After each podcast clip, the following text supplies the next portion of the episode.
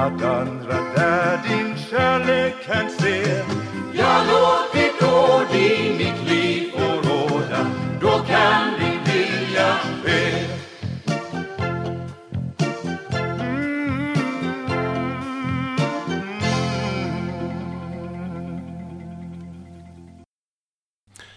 Välkommen att delta i aftonbön i närradion.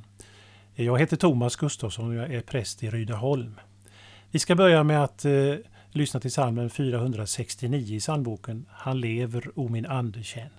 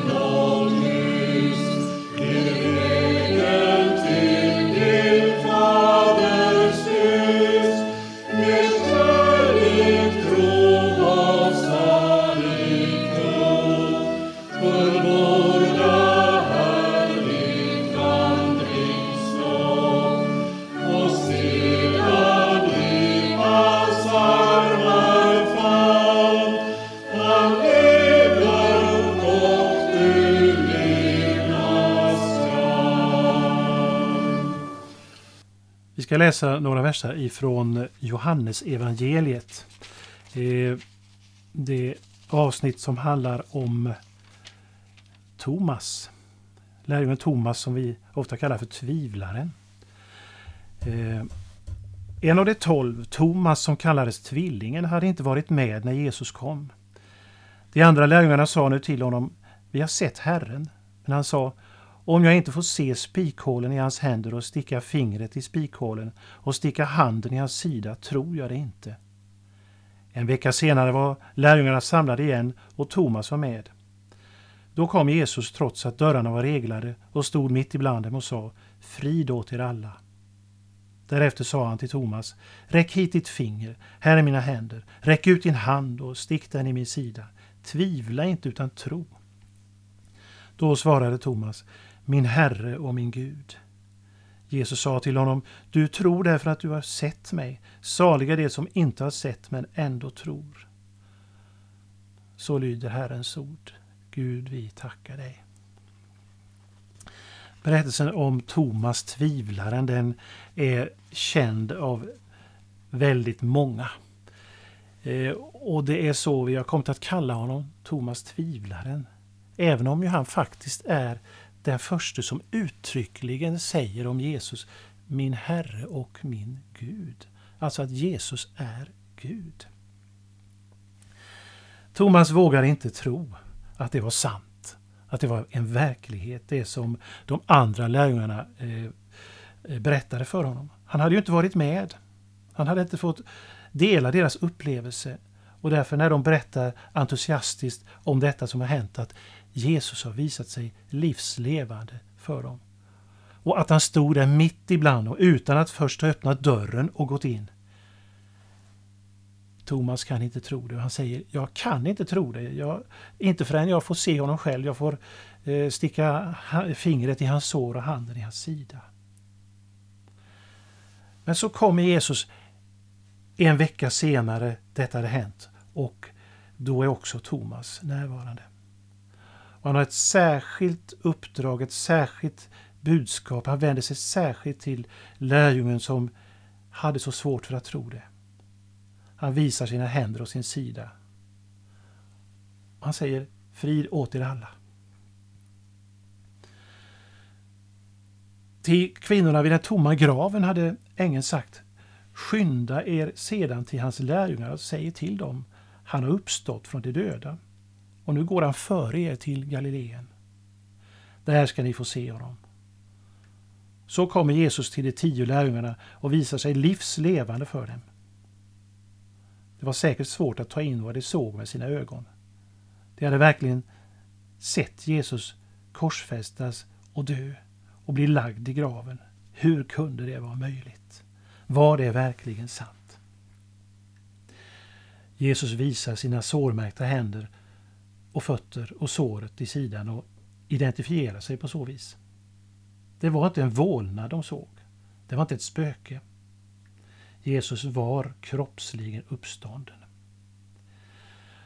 Och det är en viktig del av vår kristna tro att vi, vi bekänner också kroppens uppståndelse. Det är inte bara en andlig uppståndelse som händer när Jesus uppstår från de döda. Visserligen var hans kropp annorlunda beskaffad än tidigare. Han kunde ju uppenbara sig utan att gå genom dörren. Likväl var Jesu uppståndelse en kroppslig uppståndelse. Och Paulus talar om det här i Filipperbrevet, eh, det tredje kapitlet, vers 20 och 21. Vårt hemland är himlen. Och därifrån väntar vi också den som ska rädda oss, Herren Jesus Kristus. Han ska förvandla den kropp vi har i vår ringhet så att den blir lik den kropp han har i sin härlighet. I himlen blir alla människor lika Jesus med kroppar som hans. Då är vi anpassade för den himmelska världen. Man kan ju tänka sig att de tio lärjungarna genast skulle bege sig till Galileen hals över huvud eftersom de hade fått den här underbara hälsningen genom kvinnorna som hade varit där vid graven. Men de väntar en hel vecka. Märkligt. Varför väntar de en hel vecka? Jag tror att det var av omsorg om Thomas. Kamraten Thomas. Han som inte hade varit med när Jesus visade sig först. De väntar in Thomas. Och det kan få mig att reflektera. Apostlarnas kyrka är en gemenskap som har omsorg om varje individ. Det är lätt att tvivla. När man ser allt mörkt runt omkring sig, allt det dystra, allt det svåra. Thomas tvivlade. Det kan vara svårt att tro. Också för dig och mig många gånger. Men Kristi kyrka är en gemenskap där vi stöttar varandra i våra svagheter. Det var klart att Thomas skulle vara med där uppe i Galileen när de skulle möta Jesus. De ville inte lämna sin vän i sticket. Där vid stranden till Genesarets sjö eller Tiberias sjö skulle de möta Jesus tillsammans. Det blev ett stort och härligt fiskafänge den gången. De fick samla in fisk som aldrig förr. Jesus var ju där. Vi kan tycka oss märka en något förebrående ton i Jesu ord till Thomas. Räck hit ditt finger, här är mina händer. Räck ut din hand och stick den i min sida. Tvivla inte, utan tro. Thomas svar uttrycker tro. Min Herre och min Gud. Han är den första som sagt som bekänner att Jesus är Gud. Jesus svar är lika tydligt. Saliga de som inte har sett men ändå tror. Tron är grundad i uppenbarelsen som en gåva från Gud. Det medel Gud använder för att väcka tro hos dig och mig är ju ordet, Guds eget ord. Genom att lyssna till det, att lära och lyda, så väcks tron hos oss. Tron är en visshet, en fast övertygelse så att vi kan bekänna jag tror. Jag är fast övertygad om att Jesus har dött för mina synders skull och uppstått för att jag skulle leva i gemenskap med den Gud som skapat mig. Ibland kan omständigheter runt omkring göra det svårt för oss att tro. Då handlar det om att vilja. Om du vill tro kommer Gud också att verka tro hos dig. Det är en hjälp att umgås med människor som tror. Att tillhöra en trosgemenskap. Vi behöver varandra. Vi får bära varandra. Och kyrkan är just en sån trons gemenskap där vi stöttar varandra. Gudstjänstens gemenskap är en rätt miljö för tron att växa i. Låt oss be. Herre, vi tackar dig för att du också vill ge den tron åt mig. En levande tro, en tro som fast förvissat kan säga jag tror. Och så kan jag ta till sig detta som Jesus gjorde när han led och dog för mina synders skull. Han uppstod för min rättfärdiggörelses skull för att jag skulle få leva ett annat liv, ett nytt liv i gemenskap med dig nu och i all evighet. Amen. Vi ber Fader vår som är i himmelen. Helgat var det ditt namn. Tillkommer ditt rike. Ske din vilja, så som i himmelen, så och på jorden.